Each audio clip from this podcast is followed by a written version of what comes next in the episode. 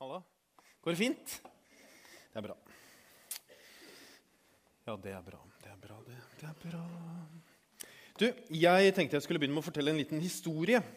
Rett og slett, Det sømmer seg på en søndag formiddag. Gjør ikke det? Fordi for, Det er egentlig bare noen få dager siden, faktisk, så eh, Så var det sånn at det, var, det er et par år siden jeg var der sist. Dit jeg nå skulle. Og som eh, vanlig så ville jeg være ute i god tid, for det liker jeg. Eh, så jeg parkerte bilen fem minutter før. Og så gikk jeg inn i dette flotte bygget, hvor det var åpne kontorlandskap, og det var glassvegger, og du vet sikkert hvordan et sånt flott bygg ser ut. Um, og så gikk jeg den veien jeg trodde jeg skulle. Og så uh, plutselig innser jeg at Hvor er det jeg skal egentlig? Uh, for jeg aner ikke nå hvor jeg skal. Og det er litt flaut, for jeg hadde vært der før. Et par år før. Og så hadde jeg da ikke liksom tort å spørre om veien igjen. Eh, men så blir da klokka to minutter på. Vi skal møtes, så da våger jeg meg frampå og sender jeg en melding og spør hvor er det du holder til egentlig. Og Så går det kanskje 20 sekunder, og så får jeg svaret i tredje etasje. Og så tenker jeg Men i dette bygget her er jo bare to. Og det Så da er jo jeg da på feil sted til feil tid. For han hadde jo flytta, så det var jo kjempedumt. Jeg tenkte, Hadde jeg bare spurt om veien, og nå tenker jeg, hadde vi bare hatt bilde, så hadde det jo vært helt supert. Er det, er det noe gærent jeg har gjort? Hæ?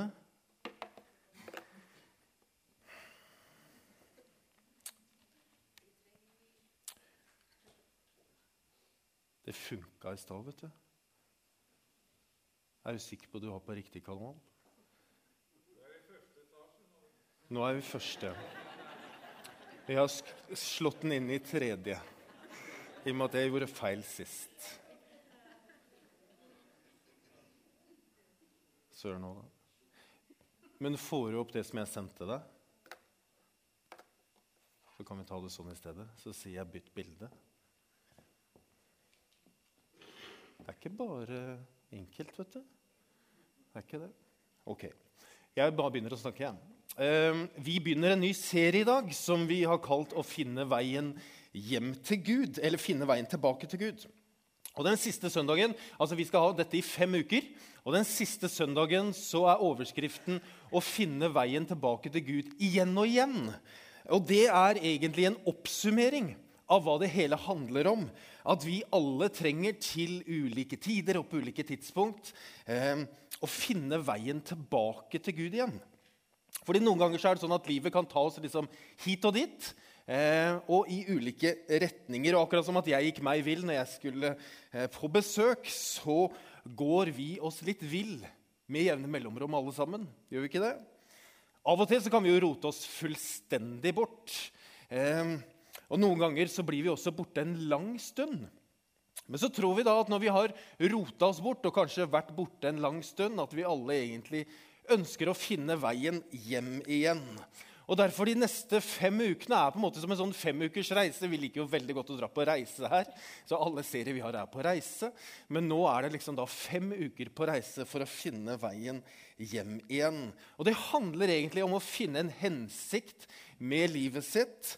Eh, og så tror vi at vi alle eh, bærer en lengsel om å bli elsket eller å la seg elske.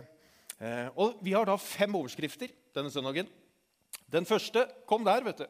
Det må da være mer enn dette. Det er det jeg skal snakke om i dag. Neste søndag så skal Runa Byberg snakke om at jeg skulle ønske jeg kunne få en ny start. Så kommer Linda Andernak Johannessen, som står her og synger. Hun skal snakke om at jeg klarer ikke dette på egen hånd. Og, den, og De to siste skal jeg ha, og da er det 'Gud elsker meg høyt likevel' er nummer fire. Og den siste er at um, 'Å finne veien tilbake til Gud igjen og igjen'. Nå kan du bytte bilde. For jeg har mange ganger opplevd i mitt liv eh, at Gud har beveget seg i min retning. Opp igjennom livet, også nå ganske nylig. Eh, fordi det er sånn han både virker og er. At jeg kan tro at jeg er ganske langt borte fra han, men egentlig så er han ganske nærme. Eh, og når jeg har vært eh, sunket ned i min grubling og tvil, så har han sagt at 'ja, men jeg er her'. har han sagt. Og Når jeg har lurt på hva meningen med livet er, hensikten med mitt liv, så har han sagt 'men jeg er her, Martin'. Når jeg har vært veldig, veldig redd, så har han sagt 'men jeg er her'. Og Når jeg har tatt valg som går på tvers, og som ikke er forenlig med mine verdier, så har han sagt 'men jeg er her'. Og Når jeg har vært ensom og følt meg forlatt og lurt på hva jeg skal gjøre, så har han sagt, 'Men jeg er her, Martin.' Og når jeg har lyst til å gi opp, så sier han, 'Men jeg er her, Martin. Her er jeg.' Det er jo ikke alltid at jeg har følt at han har vært der, men jeg har til slutt innsett at han faktisk er der, uavhengig av hva jeg føler hele tiden. Fordi jeg er overbevist om at Gud er en Gud som lar seg finne og som ønsker alle mennesker velkommen tilbake til ham. Det kan jo hende, og Noen av oss har kanskje hatt perioder hvor vi har fått, eller et tidspunkt Du kan beholde det bildet. Eh, hvor, hvor, eller en dag, kanskje, hvor vi hadde følt at i dag glemte Gud meg. Eller det var da det skjedde, som jeg kjente at han kan jeg ikke ha noe med. Han må jeg holde borte. Han, Jeg vil ikke ha noe med han, og han vil i hvert fall ikke ha noe med meg. For noen så kan det handle om en periode i barndommen vår, kanskje. Eller i ungdomsårene, når vi flytter hjemmefra. For andre så kan det handle om den dagen som du husker hvor kranglingen virkelig tok overhånd. Eh, hvor ord ble sagt som aldri kunne bli trukket tilbake, eller hvor sko ble tatt på, eh, og som aldri kom igjen. Det kan hende at du glemte Gud når du slutta i ungdomskoret, eller begynte på videregående eller ble student, og da handla om at Gud, det var da, men ikke nå. For nå har vi ikke plass til han. Eller han har ikke plass til deg, kan du tenke. Eller, eller er relevant i det hele tatt for det livet du lever. Kanskje det var når du ble syk, som du fikk den avstanden. Eller når noen som du var så glad i, døde. Og så lurer du på hvorfor var ikke du der, Gud? Hvor var du hen? Hvorfor gjorde du ikke henne frisk? Eller Hvorfor må du alltid leve videre med alle dine kroniske smerter? Så har du bedt og bedt, men så er det ingenting som har forandret seg. Eller kanskje du er en av dem som har gjort noe som er så fryktelig galt at du tror at den avstanden som er blitt mellom deg og Gud, den går det aldri an å bygge opp igjen broen til.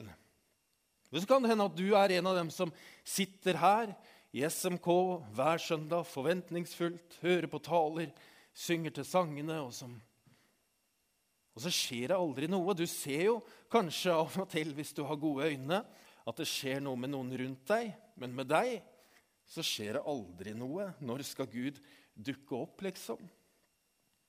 I forkant av denne serien og denne talen så har jeg hatt noen sånne setninger i hodet som jeg har lyst til å formidle til deg straks. Men det er sånn at Gud han taler på ulikt vis. Han taler gjennom sitt ord, og så taler han gjennom sang og musikk. Eh, og så taler han gjennom andre mennesker.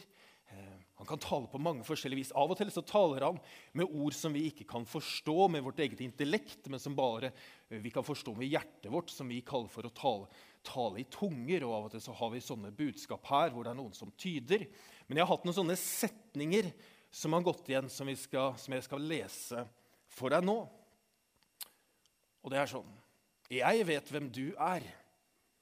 Jeg vet at reisen din har ført deg til steder der det ikke var meningen at du skulle dra. Livet har påført deg en smerte som jeg aldri ønsket at du skulle oppleve. Du har erfart en smerte og en anger som jeg håpet at du skulle slippe. Og du føler deg fortapt. Men nå vil jeg føre deg hjem igjen. Far i himmelen, takk for at du ser oss. Takk for at du vet hvem vi er. Nå ber jeg Herre om at jeg ikke skal stå i veien for det som du ønsker å formidle. Og så ber jeg om at vi skal lytte godt, sånn at vi kan høre hva du vil si til oss. Jeg har lyst til å si noe om hva denne serien ikke er.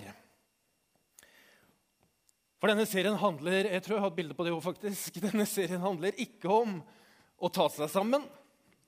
Den handler ikke om å gjøre de riktige tingene. Den handler ikke om å skjerpe seg. Den handler ikke om å fjerne all tvil. Eh, for det får du ikke gjort på denne siden av evigheten uansett hvis du har det som mål. å fjerne all tvil i livet ditt. Og Det handler heller ikke om å inngå en sånn type avtale sammen med Gud, hvor du sikrer at din billett til himmelen er klar når du dør. Men denne serien den handler om, og er for deg som ønsker å finne en kraft i livet som er større enn deg selv, som handler om en ubetinget kjærlighet, som handler om å ha et håp, og som handler om å finne en hensikt for dette livet eh, og det neste. Fordi kristen tro det handler jo ikke bare om å komme til himmelen. Kristen tro, en sann og sunn kristen tro, handler om at himmelen kommer ned. Vi snakka om dette forrige søndag. At himmelen flytter inn, at himmelen tar bolig i oss. Og gjennom at himmelen tar bolig i oss, dere, så må det få noen konsekvenser for resten av livet vårt. Ja, det er sånn at Nåden er gratis, og frelsesverket til Jesus er gratis for oss. Men for han så kosta det jo han alt. Og dermed så må jo vi, eller så bør vi i hvert fall tenke igjennom om vi skal forvalte den nåden vi har fått helt gratis, på en måte som ærer Han, gjennom at vi er hans hender og føtter her på jorden. Og hvis det skjer, det er jo da himmelen virkelig får bolig i oss. Når han får tatt bolig i oss, så får det konsekvenser for livet vårt. Og Når vi skal snakke da om å, å finne veien tilbake til Gud igjen, eh, så handler ikke det bare da om himmelfarten, men det handler om, om mulig enda mer, om at Gud skal få ta bolig i oss. Henger dere med? Yes, det er bra. Utgangspunktet for denne serien da, som vi skal ha i fem uker, er én bibelhistorie som du mest sannsynligvis har hørt før, og vi skal lese den nå. Det står Jesus sa, en mann hadde to sønner. Den yngste sa til faren, 'Far, gi meg den delen av formuen som faller på meg.' Han skiftet da sin eiendom mellom dem. Ikke mange dager etter solgte den yngste sønnen alt sitt og dro til et land langt borte. Der sløste han bort formuen sin i et vilt liv. Men da han hadde satt alt over styr, kom det en svær hungersnød over landet, og han begynte å lide nød. Da gikk han og søkte tilhold hos en av innbyggerne der i landet, og mannen sendte ham ut på markene sine for å passe grisene. Han ønsket bare å få mette seg med de belgfruktene som grisene åt, og ingen ga ham noe. Da kom han til seg selv og sa, hvor mange leiekarer hjemme hos min far har ikke mat i overflod, mens jeg går her og sulter i hjel? Jeg vil bryte opp og gå til min far og si, 'Far, jeg har syndet mot himmelen og mot deg.' 'Jeg fortjener ikke lenger å være sønnen din, men la meg få være som en av leiekarene dine.' Dermed brøt ham opp og dro hjem til faren. Neste. Da han ennå var langt borte, fikk faren se ham, og han fikk inderlig medfølelse med ham. Han løp sønnen i møte, kastet seg om halsen på ham og kysset ham. Sønnen sa, 'Far, jeg har syndet mot himmelen og mot deg.' 'Jeg fortjener ikke lenger å være sønnen din.' Men faren sa til tjenerne sine, 'Skynd dere, finn fram de fineste klærne og ta dem på ham.' 'Gi ham ring på fingeren og sko på føttene, og hent gjøkalven og slakten.' 'Så vil vi spise og holde fest.' For denne sønnen min var død og er blitt levende. Han var kommet bort og er funnet igjen. Og så begynte festen og gleden. Denne bibelteksten har du kanskje hørt før. Eh, og den er den vi har med oss inn når vi i dag skal snakke om det må da være mer enn dette. Vet, Jesus fortalte denne historien eh, inn i det første århundrets kultur i Midtøsten. Og På den tiden var det om å, å be om en tidlig arv Eh, noe av det verste en sønn kunne gjøre mot sin far. Fordi På den tiden var det forventet at ikke bare eh, sønnen skulle vente til faren var død, før han liksom fikk arven, men han skulle også ta seg av faren på sine eldre dager. Eh, og så Når sønnen da ber om forskudd på arven, så er det som han sier, 'Pappa, eh, hør her. Jeg bryr meg egentlig ikke om du er død eller levende.' 'Jeg vil bare ha det som er mitt, og jeg vil ha det nå.' Og Når jeg leser denne teksten, så er det utrolig lett å stemple denne sønnen som utakknemlig og egoistisk. Det gjør vi jo alle sammen. Det går jo ikke an. ikke sant? Tenk å si sånt til faren sin. Jeg skulle ønske du var død, egentlig. Bare la meg få arven. Men så lurer jeg på, egentlig, når jeg tenker meg om Er det egentlig sånn vi føler det alle sammen? Altså, Ikke at nødvendigvis at faren vår skulle vært død, men er det ikke sånn, har ikke jeg rett på det? Er det sånn at livet egentlig ikke gir oss det vi selv mener at vi fortjener? Vi burde jo. Er det ikke egentlig sånn at du fortjener jo noe mye mer enn det du har akkurat nå? Er dette alt, liksom? Var dette alt? Det må da være mer enn dette. Problemet er jo ikke det at vi har drømmer og lengsler, for det er jo fint. Det er jo det som driver oss. Problemet er jo at vi prøver å innfri dem på egen hånd gjennom livet. Og gjennom at vi gjør det, så kan vi jo kanskje miste synet av hva livet egentlig handler om. Men jeg tror at denne sønnen i denne fortellingen, han første sønnen Det kommer jo en sønn til etter hvert som, som ikke har med denne serien her. Men han er akkurat som oss. Og hva mener jeg med det? Jo, tenker ikke du av og til at jeg må for å oppfylle mine lengsler? Jeg må forlate, kanskje. Jeg må kjøpe, kanskje. Jeg må gå dit, kanskje. Pusse opp, tenker vi jo. Reise dit, eller gjøre sånn, eller få orden på, eller slutte med. Det er mange ting du kan putte inn der. Jeg må et eller annet for å få oppfylt mine lengsler. Sønnen i historien han var jo overbevist om at han måtte forlate faren for å få oppfylt sine lengsler. og Derfor dro han til dette landet langt borte. Og første skritt på reisen mot å vende tilbake til Gud, eller finne veien tilbake til Gud igjen, er gjennom denne lengselen at det må da være mer enn dette. Det var det den bortkomne sønnen følte når han ba om arven. Det må da være mer for meg enn det her. Dette kan jo ikke være alt, liksom. Det sånt liv jeg lever nå, det må da være noe mer enn det. Det han ikke skjønte, denne sønnen, var at alt han lengta etter, hadde han tilgjengelig akkurat der han var. For du har egentlig to valg når du tenker at det må da være mer enn dette. Det første er å og fortsette å prøve å fylle lengselen på egen hånd. Og så kan du tenke selv hvordan funker det? Hvordan syns du det går? Så langt å bruke alle dine krefter på å fylle denne lengselen. Hvordan syns du det går? Og det andre er å vende oss til Gud, som ga oss lengselen i første omgang. Og hvis du ønsker det, så er det en bønn også som skal følge oss de neste ukene, som er sånn som dette. Gud, hvis du virkelig fins, Vis deg for meg. Gud, hvis du virkelig fins, så vis deg for meg. Vekk opp i meg evnen til å se at du er det som mangler i livet mitt. Sønnen i denne lignelsen han dro til et land langt borte. Eh, og vi har jo ikke mange detaljer om hva som skjedde. Det eneste som står, er dette, at der sløste han bort alt han eide i et nedbrytende liv. Og vi kan jo bare spekulere i hva det er, og det er jo bare fantasien egentlig, som setter grenser. Men i vår tid så vil det jo helt sikkert handle om masse sex og alkohol og rus og prostituerte og alt, alle mulige ting. Det er liksom bare fantasien vår som setter grensen for hva dette nedbrytende livet var. Det er noen som har sagt at jeg vet ikke hvem som har sagt det, men det er noen som har sagt at eh, enhver mann som banker på døren til et bordell, egentlig er på søken etter Gud. Og jeg tenker at hvis du banker, Det er jo ikke så mange bordeller i Skien. Det er noen da, som vi leser om i avisen. Eh, men hvis du banker på døren til et bordell eller til et, eh, noe, en annen type selvdestruktiv oppførsel eller relasjon, så kan det være faktisk at du har nådd et punkt et avgjørende punkt i din reise tilbake til Gud. Vet, jeg, dette snakker jeg ikke veldig ofte om, det jeg skal si nå, ganske personlig. Men jeg ser faktisk på Grace Anatomy. Ja. Mm. Fulgt alle sesongene.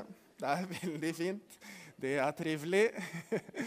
Eh, og i en av de siste episoder kan, Vi ser jo det på Zoom, og så kan det hende at jeg spoiler liksom, noe. Jeg tror ikke det egentlig.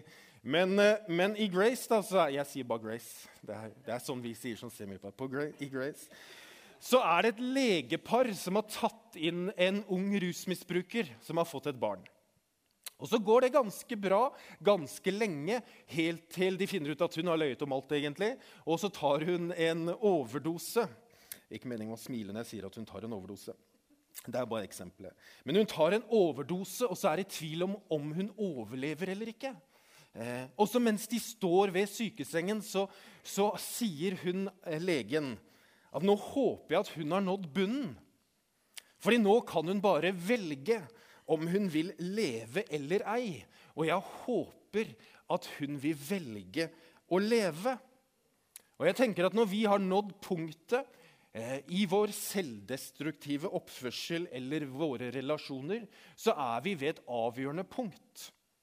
En virkelig mulighet til å vende om, til å snu, til å gå tilbake, til å be om unnskyldning, til å be om tilgivelse, til å komme hjem igjen.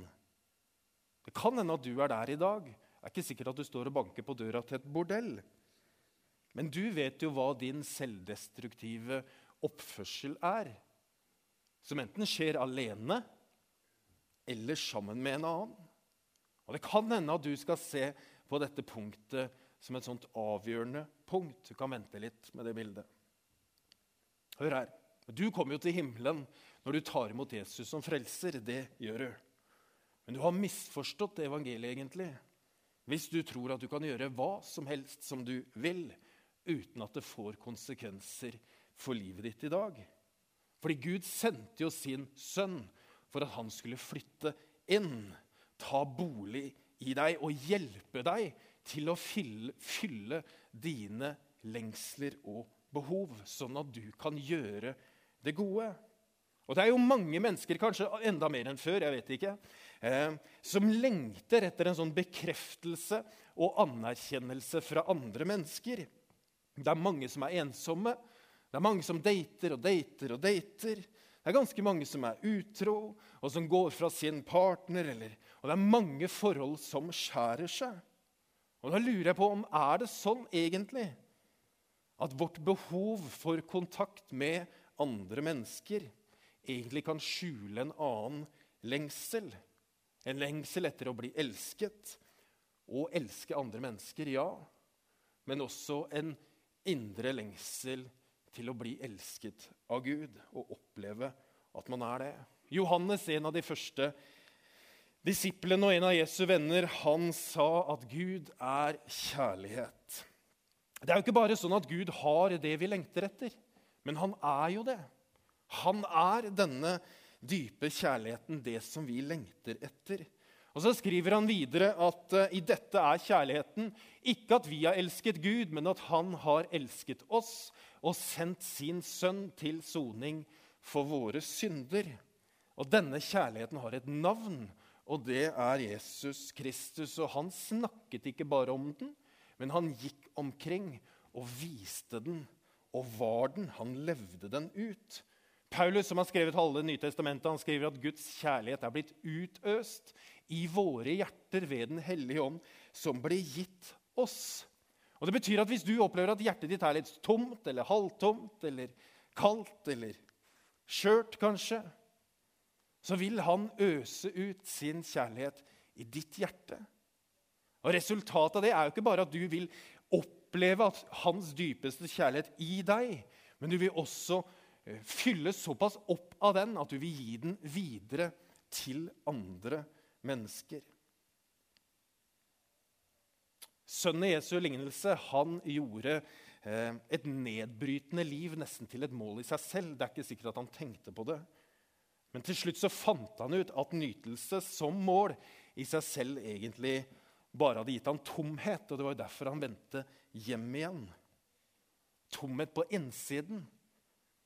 For Jeg lurer på om det er sånn at en sånn selvopptatt jakt etter lykke aldri kan tilfredsstille oss fullt ut. Og så har jeg tenkt hvor mye penger trenger du før du blir lykkelig? Hvor mye trenger du, liksom? Av og til så spør jeg noen hvor lang tid trenger du til å bli ferdig med dette. Ja, Du har holdt på i ti år, men, men trenger du ett år til? Eller du, hvor, lenge, hvor, lenge, hvor, lang tid har du tenkt å holde på? Fem år til? Eller til du blir pensjonist? Hvor lenge har du tenkt å være bitter? Og så tenker jeg, Det er litt det samme med lykke. Hvor mye må til, liksom? Hvor mange venner må du ha, eller hvor mye ferie må du reise på, eller hvor mye sex må du ha før du blir lykkelig? Er det sånn at lykke og tilfredsstillelse finner vi dypest sett bare når vi gjør noe som har betydning for noen andre utover oss selv? Paulus skriver videre at for vi er hans verk, skapte i Kristus Jesus til gode gjerninger, som Gud på forhånd har gjort ferdig for at vi skulle vandre i dem. Og ordet 'verk' eh, det er jo ikke sånn vond verk, men ordet 'verk' på gresk, det som står der, eh, er dette ordet her poemi. Po, poiema. Står ikke det? Jo. Noen som vet hva det er? Ser du hva det ligner på? Det ligner på det, på det engelske ordet 'poem', altså dikt. Og dette ordet her er et sånt kunstnerisk begrep som formidler at du er ikke et resultat av en sånn masseproduksjon. Men du er et mesterverk, egentlig. Du er hans verk. Du er et kunstferdig verk. Ikke som skal henge på veggen for at andre skal beundre det. Men et kunstverk som er skapt til gode gjerninger. Og Det betyr at du er skapt med en hensikt om det. Sammen med Gud å gjøre gode gjerninger. Og Derfor skriver Jakob også at slik er det også med troen. I seg selv uten gjerninger er den død. Og for som kroppen er død uten ånd, er troen død uten gjerninger. Det må da være mer enn dette? Ja, det må det. Og det er ikke bare nåde pluss himmelbillett. Men det er nåde pluss gjerninger pluss himmelbillett er det Gud kaller oss til. Og så tenker du kanskje ja, nå er du lovisk, Martin, og tenker at vi må gjøre for å bli frelst. Men da har du ikke hørt etter, for det er ikke det jeg sier. Men jeg er logisk, og så er jeg evangelisk. Fordi sånn er det også med troen. I seg selv, uten gjerninger, så er den død.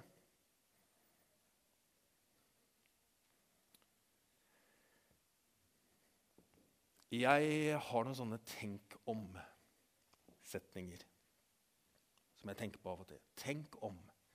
Og det er litt sånn se for deg at i ditt hode. Tenk om vi kunne være en kirke som gjorde det lett å komme og se Jesus. Tenk om vi kunne være det. Tenk om vi kunne være en kirke som gjorde det lett å følge etter Jesus. Tenk om vi kunne være en kirke som gjorde godt mot andre. Ikke av plikt, men av en sånn indre drive. Tenk om vi kunne være en kirke som valgte å gjøre det gode. Fordi det var skapt noe i oss som drev oss til å være noe mer enn bare for oss selv. Tenk om vi kunne være en kirke som gjorde det lett for mennesker å finne veien tilbake til Gud. Jeg tror at en sånn kirke vil veldig veldig mange mennesker ønske å være en del av. Som gjør det lett for folk å komme og se og følge etter og gjøre gode ting. Og finne veien tilbake. Og Derfor har jeg to spørsmål. Til slutt, De står også på spørsmålsarkene, eh, som dere får etterpå, eller som vi legger ut på nett, som du kan ta med, med og snakke med gruppen din om. Og Hvis du ikke er i en gruppe, så tar du kontakt med Infostand, og så hjelper de deg med å komme i en gruppe. Men disse to spørsmålene er det første er er livet mer enn dette. Er det det? Er det mer enn dette? Og det andre er, Det er litt lenger Vil du være en aktiv bidragsyter i Skien misjonskirke, slik at vi sammen kan gjøre det lett for andre å finne veien tilbake til Gud? Vil du det? Vil du være en aktiv bidragsyter i Skien? Du er hjertelig velkommen til å komme på besøk. Hjertelig velkommen til å komme og sitte ned. Det må du gjøre så lenge du vil. Men på et eller annet tidspunkt så kan det hende at noen stiller hvor lenge har du tenkt? Når vil du gå fra å sitte og høre og motta, som er viktig og bra for mange av oss, i kortere eller lengre perioder, men når tenker du at jeg nå vil være med og være en aktiv bidragsyter i Skien misjonskirke, slik at vi sammen kan gjøre det lett for andre å finne veien tilbake til Gud? Og én måte å gjøre det på, en måte å finne veien tilbake til Gud på, eh, det er å ta noen skritt fram til et nattverdbord som er dekket. Som er eh, et fellesskapsmåltid mellom alle oss som tror, og med Gud i himmelen. Om du opplever deg langt borte, eller om du opplever at du er veldig nær, så er nattværbordet dekket for deg. Og hos oss så er nattværbordet åpent for deg som ønsker å følge til Jesus. Og Da skal vi reise oss, og så skal vi lese innstiftelsesordene.